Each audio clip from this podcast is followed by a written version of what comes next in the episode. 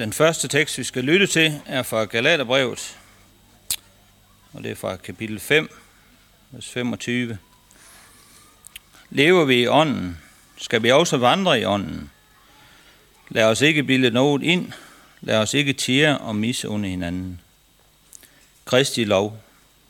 Brødre, hvis et menneske gribes i en overtrædelse, skal I, som har ånden, hjælpe ham til rette med mildhed, og se til, at du ikke selv bliver fristet. Bær hinandens byrder, således opfylder I Kristi lov. For mener nogen, at han er noget, skønt han ikke er noget, er det selvbedrag. En hver skal vurdere sin handling, og vil så kun have grund til stolthed i forhold til sig selv og ikke i forhold til andre. For enhver skal bære sin egen byrde. Den, der undervises i ordet, skal dele alt godt med den, der underviser. Far ikke vild. Gud lader sig ikke spotte. Hvad et menneske sår, skal det også høste. Den, der sår i kødet, skal høste fordav af sit kød, og den, der sår i ånden, skal høste evigt liv af ånden. Og vi fortsætter med Jesu ord fra Matteus evangeliet, kapitel 6. Ingen kan tjene to herrer. Han vil enten have den ene og elske den anden, eller holde sig til den ene og ringeagte den anden. I kan ikke tjene både Gud og mammon. Derfor siger jeg jer, vær ikke bekymret for jeres liv, hvordan I får noget at spise eller drikke, eller for hvordan I får tøj på kroppen. Er, ikke livet, er livet ikke mere end maden, og læben mere end klæderne? Se himlens fugle. De sår ikke, og høster ikke, og samler ikke i lade. Og jeres himmelske far giver dem føden. Er I ikke langt mere værd end de? Hvem af jer kan lægge en dag til sit liv ved at bekymre sig? Og hvorfor bekymrer I jer for klæder? Læg mærke til, hvordan markens liljer gror. De arbejder ikke og spinder ikke. Men jeg siger, at end ikke Salomo i al sin pragt var klædt som en af dem, klæder Gud således markens græs, som står i dag og i morgen kastes i ovnen. Hvor meget snarere, så ikke jer i lidetrone. I må altså ikke være bekymrede. Undskyld. I må altså ikke være bekymrede og spørge, hvordan får vi noget at spise og drikke, eller hvordan får vi tøj på kroppen. Alt dette søger hedningerne jo efter, og jeres himmelske far ved, at de trænger til alt dette. Men søg først Guds rige og hans retfærdighed, så skal alt det andet gives jer i tilgift. Så vær da ikke bekymret for dagen i morgen. Dagen i morgen skal bekymre sig for det, der hører den til. Hver dag har nok i sin klage. Jesus, vi beder om, at du vil hjælpe os til at forstå, hvad det vil sige at søge Guds rige først. Amen. I kan ikke tjene både Gud og mammon, siger Jesus. Og mammon, det er jo øh, et andet ord for pengeguden, øh, som i virkeligheden ikke er nogen Gud, men er en afgud. For der findes jo kun én Gud, én sand Gud. Øh, skaberen af alt, frelseren af syndige mennesker. Resten, det som vi kan bilde os ind, er guder, er i virkeligheden noget ondt. Det er afguder. Det er noget af det, som vi sætter vores lid til og stoler på, øh, som ikke er Gud selv. Så bliver det en afgud. Og her er pengeafguden Mammon en af de helt stærke kræfter. Øhm, et andet sted, der fortæller Jesus en lignelse om en, en sædemand, der sår forskellige slags korn, og de her forskellige slags korn, de sammenlignes så med os mennesker. Og øh, der er øh, nogen, der bliver sået imellem tisler, og det bliver så forklaret på den måde her. Det er i Markus evangeliet. Det er dem, der har hørt ordet, men denne verdens bekymringer og rigdommens blændværk og lyst til alt muligt andet kommer til at kvæle ordet, så det ikke bærer frugt. Så hvad skal der til for at tage et øh, opgør med mammon? Jamen først og fremmest, så skal vi lige have tingene øh, i det rette perspektiv. Øh, penge i sig selv er jo øh, bare en vekselkurs, vi har, hvor vi bytter øh, arbejde med hinanden, om jeg så må sige. Det er sådan grundlæggende set et gode, og vi giver gerne penge væk øh, til indsamlinger.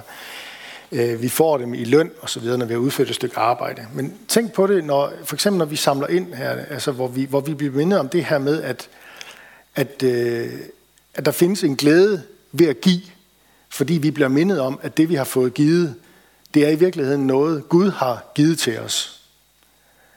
Det er ikke bare mit, mit, mit, men det er noget, jeg er blevet givet af Gud. Og det sætter tingene i perspektiv. Og derfor giver vi også, fordi vi forventer, vi giver penge videre, fordi vi forventer, at de fører noget godt med sig.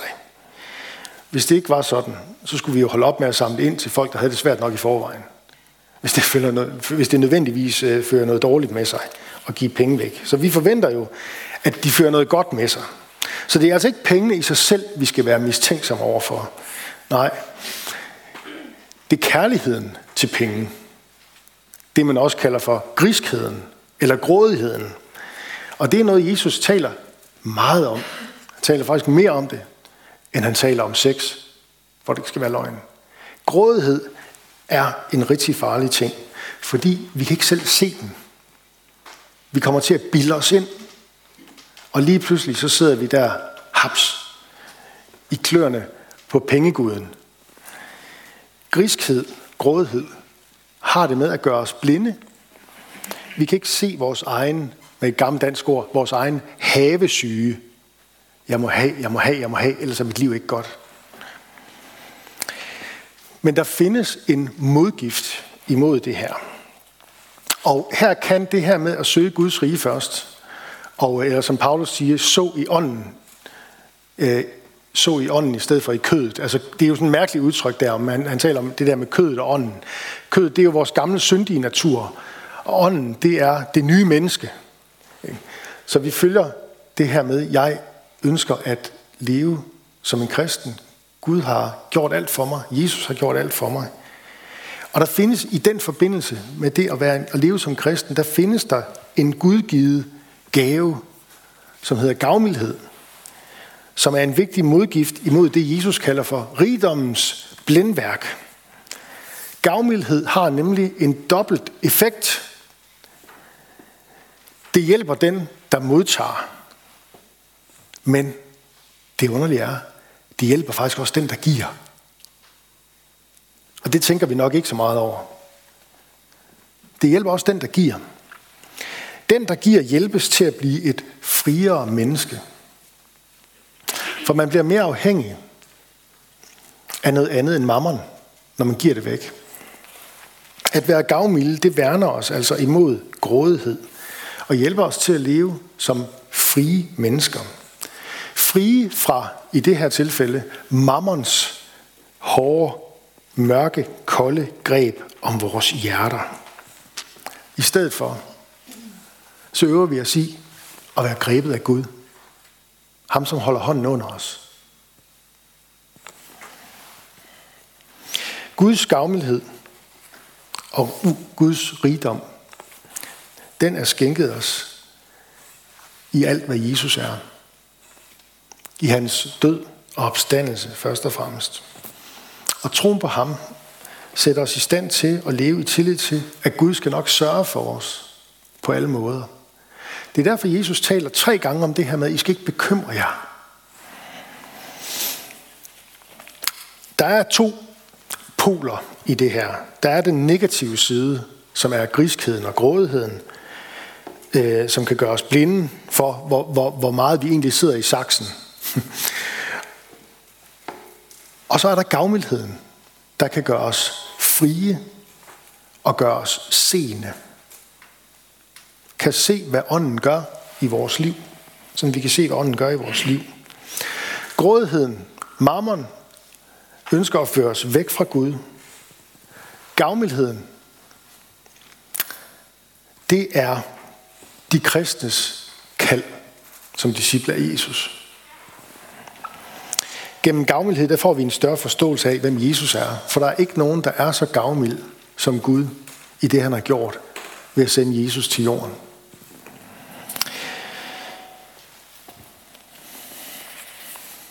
Så gælder det for øvrigt også med, med, med troen. Vores tro, den vokser, når vi giver udtryk for den. Den styrkes, når den deles med andre mennesker. Og vores øh, grådighed, mammons magt over os, den bliver mindre, når vi giver bort, i stedet for at rave til os. Jesus siger øh, tre gange i, i, til os i dag, at vi skal ikke bekymre os. I skal ikke bekymre jer. Vær ikke bekymrede, siger han. Men sagen er, at øh, hmm, det kan godt lyde lidt letkøbt, fordi det går vi rundt og gør. Det kan vi lige så godt være ærlige omkring. Det går vi rundt og gør, vi mennesker. Ikke? Og der er også nogle gange ret god grund til det. Altså for 20 år siden, da flyene fløj ind i World Trade Center, der tror jeg, der var en del af os, der sad og kiggede på, på skærmen og tænkte, det går helt galt det her. Og der var også god grund til bekymring. Så måske skal vi lære at skælne lidt her. Der findes egentlig gode, sunde bekymringer, og så findes der dårlige og decideret farlige bekymringer. Gode bekymringer. Jamen altså for det første, så kan vi jo øh, kigge i Nysestamentet og se, at øh, Jesus, han bekymrer sig også. Han græd over Jerusalems indbyggere. Han græd over sin ven Lazarus, der døde. Det er også et udtryk for en sorg og en bekymring. Jesus kendte til at være ængstelig, urolig, ked af det. Han bekymrer sig. Og når vi ser på Jesus, så ser vi, at det har noget at gøre med, at Gud rent faktisk bekymrer sig om menneskene, han har skabt. Det er den sunde bekymring. Det er den gode. Hvor er det dog en velsignelse, at Gud bekymrer sig om dig og dit liv. Om dine kampe. Eller tag apostlen Paulus. Han skriver et sted om alle de farer og trængsler, han er ude for, i, øh, efter han blev kaldet af Jesus på vej til Damaskus til at være øh, apostel og til at, at plante menigheder. Han siger sådan her i 2. Korintherbrev kapitel 11. Hertil kommer det, altså først så beskriver han alle de farer og trængsler, han har været igennem. Og han har altså både fået pisk og lidt skibbrud. Jeg tror, det er to-tre gange, han nævner det og sådan noget. Altså det er virkelig sådan en, hvis du synes, du har det svært, så læs lige 2. Korintherbrev kapitel 11, ikke også, inden du kommer for godt i gang. Øh, men så, kommer, så skriver Paulus, hertil kommer det, som dagligt trykker mig. Bekymringen for alle menighederne. Synder han ved at sige sådan? Eller er det en sund bekymring? En sund bekymring, som har ført til det, vi så ser komme til udtryk i Paulus' brev, at han følger op på de mennesker, han er i kontakt med. Han beder for dem. Læg mærke, at alle hans breve starter med en intens forbøn. Det er gode bekymringer. De gode bekymringer er det, der optager dig som en disciple af Jesus, som et barn af Gud. At være urolig og ængstelig, og så samtidig række ud efter Guds hjælp og omsorg. Det er altså ikke farligt eller forkert. Det er det ikke. Det er tværtimod en sund bekymring, hvor Gud får lov at blive inddraget i vores liv og være med i vores tanker og hjælpe os til at, at få formuleret vores bønder. Den slags bekymringer skal du ikke være bange for, for du kan trøste dig med, at Jesus, du er i godt selskab. Jesus og Paulus, de havde også bekymringer. Ja. Nej, det Jesus han peger på, det er de farlige bekymringer. Der findes øh, en form for bekymring, som er farlig. Hvorfor er den det? Fordi den kan fjerne vores... Øh, den kan gøre vores tro mindre. Og i sidste ende rent faktisk skrive tæppet væk under os. Og skabe vantro i vores hjerte. Den kan fjerne vores fokus for Gud og få os til at glemme ham. Vi så det før, hvordan Jesus han talte om det her med øh, denne verdens bekymringer og rigdommens blændværk og lyst til alt muligt andet kommer til og kvæler Guds ord, så det ikke bærer frugt. De farlige bekymringer, dem Jesus han advarer os imod i dag, det er dem, der får os til at leve, som om Gud ikke findes, Det er dem, der får os til at opføre os, som om Gud ikke eksisterede, og som om Gud ikke har omsorg for os. Men det gør han. Gud findes, han elsker dig, og han har omsorg for dig. Du skal tage ham på ordet, og prøve ham af, om det ikke det passer. Det er derfor, Jesus han også henleder vores øh, tanker og vores opmærksomhed på det her med liljerne på marken og fuglene på himlen. Se på dem, siger han. Se på dem, og så tager vi lære af dem. De arbejder ikke, og Gud giver dem alligevel det, de har brug for. Den pointe har jeg engang hørt formuleret som, som om, at det er en hviledagens pointe. Hviledagens pointe, det er, at når du hviler, så får du lov at mærke, at Gud alligevel sørger for dig. Det handler ikke om, at du hele tiden er i gang. Når du hviler, så går verden videre. Og ved du hvad? Det er der faktisk en velsignelse i at finde ud af. Vi møder det, altså hele ideen om det her med at være aktiv og hvile. Det er jo noget, der kommer helt om fra skabelsesberetningen, hvor Gud skaber jorden på seks dage. Gud arbejder, han skaber det og det og det og det. Og Gud ser dag 1, 2, 3, 4, 5, 6, at det er godt. Men så kommer den syvende dag. Og der hviler Gud fra sit arbejde. Og derfor kalder han også os mennesker til at være i den balance imellem arbejde og hvile som han selv har vist vejen i. Når du hviler, så arbejder du ikke. Og lige præcis derfor kan du gøre den vigtige erfaring, at Gud stadigvæk er der og giver dig det, du har brug for.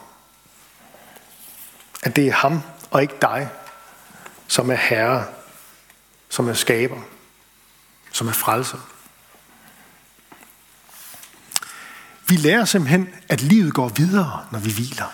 Og det er der bare en utrolig vigtig pointe i. Se på fuglene, se på blomsterne. Hvad gør de for at vokse op og få pragt? Ingenting. Nada. Vi lærer, at livet går videre, selv når vi hviler.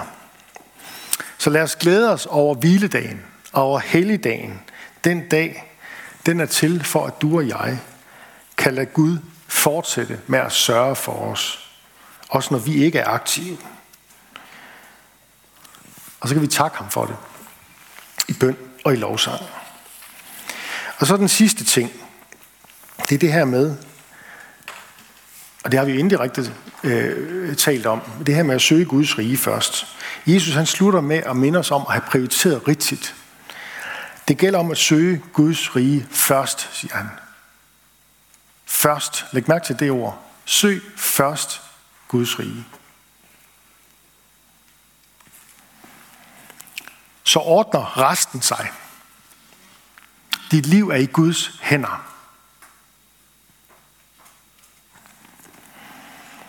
Gud kender dig. Han ved, hvad du har brug for, for at leve dit liv til hans ære. Pas på med, at øh, bekymringer ikke bliver til synd i dit liv og fører dig væk fra ham. Søg Jesus. Søg det Guds rige, som han har kommet, er kommet, med her, kommet til verden med. Alt det, han står for. Søg den retfærdighed, som kun han kan give dig. Søg først Guds rige og hans retfærdighed. Hvad er det for en retfærdighed? Det er den, der, der, der skænkes os gratis af tro. Retfærdigheden af tro. Hvor du ikke gør noget for at fortjene dig til, til at Gud ser på dig med velvilje og glæde. Han ser bare et Guds barn, der ved tro er blevet en del af Guds rige. På grund af det, Jesus har gjort. Søg Jesus og det Guds rige, han står for. Den retfærdighed af tro, som han kan give. Den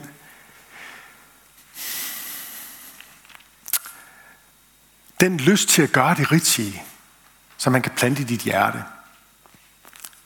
Den hellighed, som han kan skabe i dit hjerte. Søg det. Og så kommer alt det andet. Det her med, hvilken bil skal jeg købe?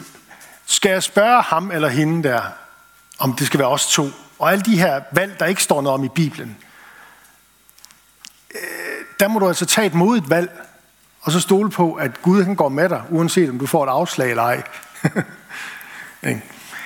Normalt så viser Gud os nemlig ikke vores liv i detaljer. Han er ikke sådan en øh, dukkefører, der, skal, der bare styrer os, og vi kan ikke gøre noget fra eller til. Gud han er en kærlig far, der taler til os i sit ord, igennem sit ord, og vejleder os derigennem først og fremmest. Og igennem samtalen og mødet med andre kristne, der også er fordybet i det ord og i bøn. Og han ønsker derigennem at tale til os. Igennem ordet, igennem mødet med andre kristne, igennem bønnen.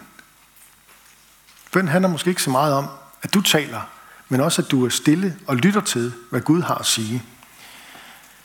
Og så lader han os tage nogle modige beslutninger i tillid til, at han går med os. Det er sådan, han leder os. Og det er også, hvad søg først Guds rige betyder. Lad os bede sammen. Jesus, vi beder om, at du vil hjælpe os til at øh, høre til hos dig. Så vi ikke, vores liv ikke bliver delt imellem øh, mørket og synden på den ene side, og det trækker os væk fra dig. Vi beder om, at du vil hjælpe os til ikke at være bekymrede, til at tage dig på ordet og øve os i at stole på, at øh, du har din hånd under os, og at du øh, har en plan for vores liv. Den er ikke i detaljer. Vi får også lov til selv at tage en masse, en masse valg, hvor vi bare bliver spurgt, handler du i kærlighed? Men vi tager dig, fordi at, øh, at du er der. Og du vil os det bedste. Tak fordi livet det går videre, også når vi hviler. Takker dig for hviledagen, for søndagen her i dag, og fællesskabet omkring gudstjenesten. Tak fordi vi kan mødes i frihed og tilbe dig. Udrust os med nådegaver til fælles gavn og opbyggelse, og lær os at række ud over vores egne behov. Vi beder for menighedens børn, både de fødte og de ufødte, beskærm du dem og lad dem få lov at vokse op i tro på dig. Vi beder for menighedens konfirmander og unge, lad dem vokse i tillid til dig. Vi beder dig for ægteskaberne og for de, som lever alene, giv os din kraft over vores liv. Vi beder for Skærn by og omegn, at du, Jesus, må blive kendt, troet, elsket og efterfulgt. Vi beder for Niels Jørgen Fogh, menighedens vejleder, velsign ham i hans tjeneste. Vi beder om, at du vil være nær hos alle, der er ramt af sorg, sygdom og lidelse. Giv os mod til at være til stede og visdom til at lindre smerten hos hinanden. Lad os være stille et øjeblik og bede for et menneske eller en situation, der har brug for, for Guds hjælp.